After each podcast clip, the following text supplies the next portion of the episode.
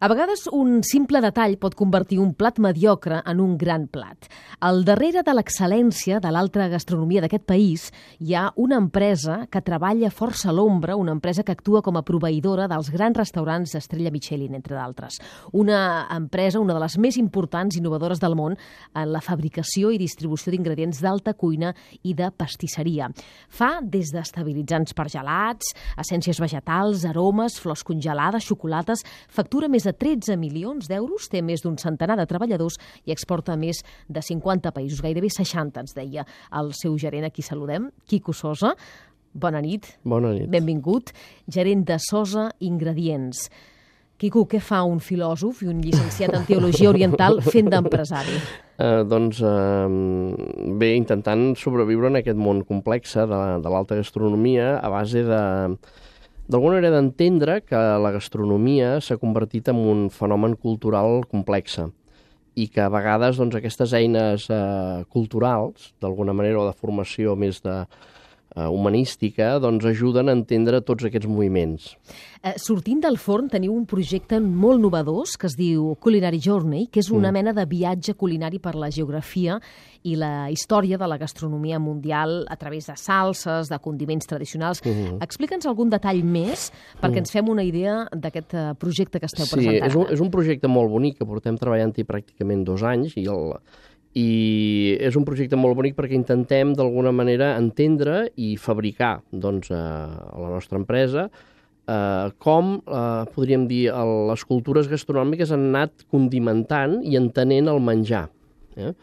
Llavors, per fer-ho, hem, hem fet una, el que nosaltres diem un mapa, un, un, un planell, diguem, de tots els condiments del món, els més importants, evidentment, i hem intentat, doncs, eh, bé, o sigui, classificar-los, ordenar-los, i, i d'alguna manera doncs, posar-los a l'abast tant dels cuiners professionals com també doncs, del, del consumidor doncs, eh, eh, evidentment interessat per la gastronomia. Clar, perquè vosaltres eh, treballeu bàsicament per mm. professionals, sí, com la, dèiem, jo diria per, per restauradors, per pastissers... Sí, pràcticament jo diria el 85% de les nostres vendes, o 90%, van destinades a professionals. Però, en canvi, també eh, pot arribar el vostre producte al consumidor final mm. a través d'altres marques. Sí, o sigui, tenim dos marques que d'alguna manera eh, el món de l'ingredient doncs, eh, el fem arribar al, el consumidor final. Un és, es diu Home Chef, o sigui, el, el cuiner a casa, per entendre'ns, i l'altre seria el Culinary Journey, que també serà una marca que es trobarà doncs, al canal retail o de distribució.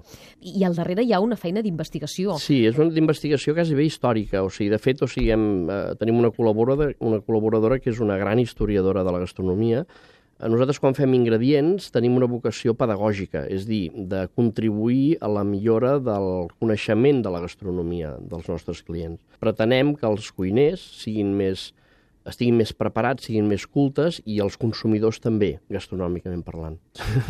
De Catalunya s'ha recuperat alguna sí, cosa o sigui, curiosa conjuntament que ens amb el, amb, conjuntament amb el Museu d'Història i la Fundació Alicia vam estar recuperant, per exemple, la salsa de pagó, o el vi piment, que era com s'especiaven els vins a l'edat mitjana. O sigui, el vi, tal com, com el consumim avui en dia, doncs és, un, és una manera de veure el vi mm, molt diferent a com es consumia al segle XIII. No? I nosaltres el que fem és eh, creem un, com un concentrat perquè un consumidor avui en dia pugui d'alguna manera viure com es bevia el vi al segle XIII. Eh? Això és un producte molt bonic.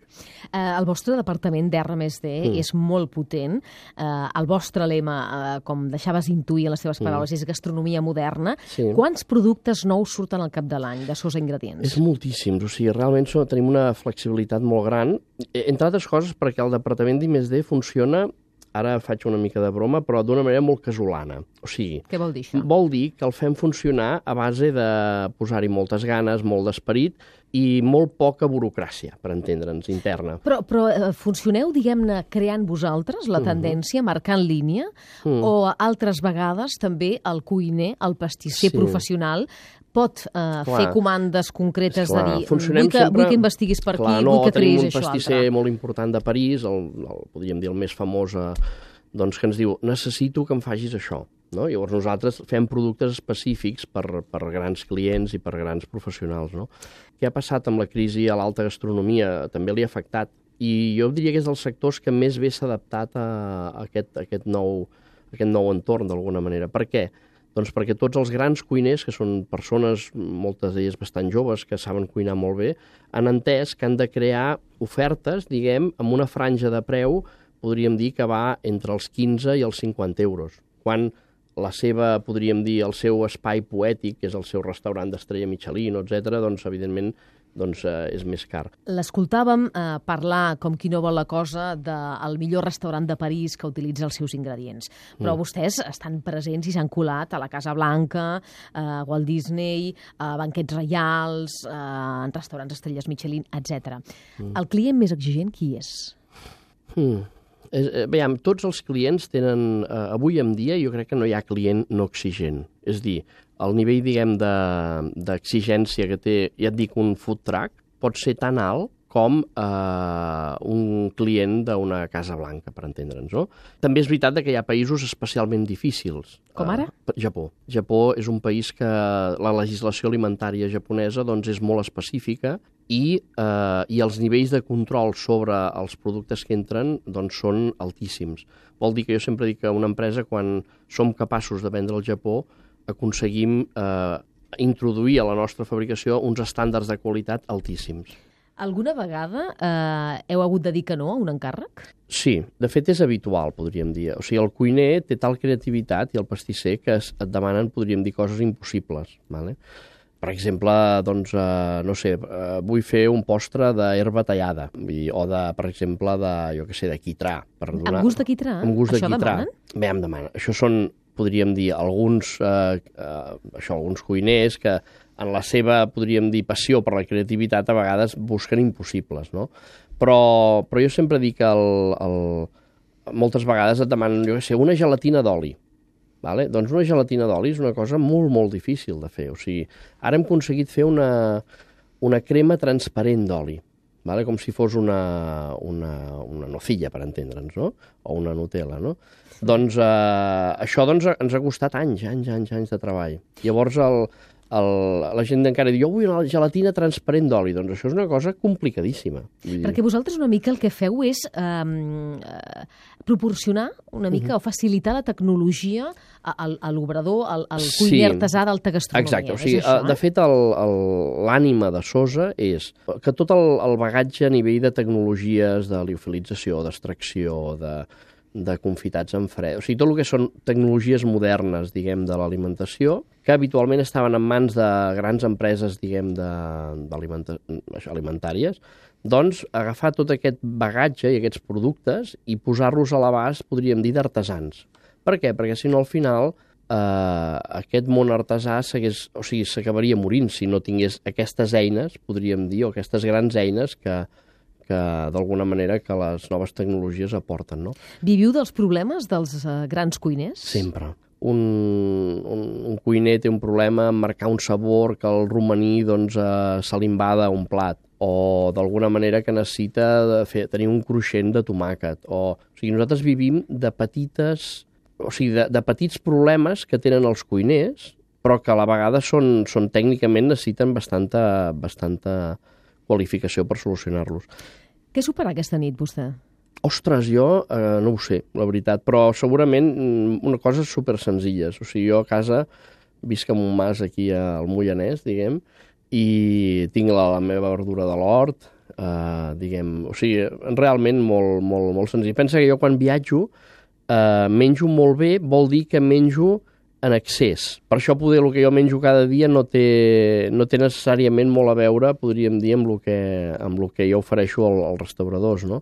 Uh, és increïble com l'empresa va remuntar després de l'incendi de la mm. fàbrica que tenia a Castellterçol uh, de 2.500 metres quadrats mm. uh, ara fa un parell d'anys. Mm -hmm només es va salvar, diguem-ne, la part del negoci original, perquè mm. vostès van començar fent galetes, sí, neules, fet, som... això sí que es va salvar, eh, però el que van ser molt ràpids és en, en remuntar. En sis mesos van fer el que mm. havien planificat eh, en 10 anys, és a dir, van eh, accelerar els plans de negoci que ja mm -hmm. tenien eh, previstos. Sí. I mm, bé, després tenen aquesta planta nova, eh, fantàstica, Mollà, estan recuperats del tot el ritme de creixement, perquè clar, en el seu moment va ser un cop duríssim en, en, sí. en, en la facturació d'una pèrdua sí d'un 7%.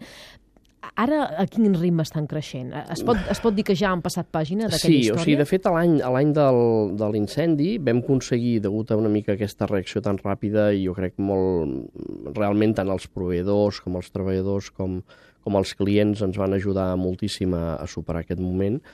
Uh, o sigui, l'any de, l'any de, de l'incendi vam créixer el 12%. El mateix any? El mateix any de l'incendi, o sigui, vam ser cremant tot.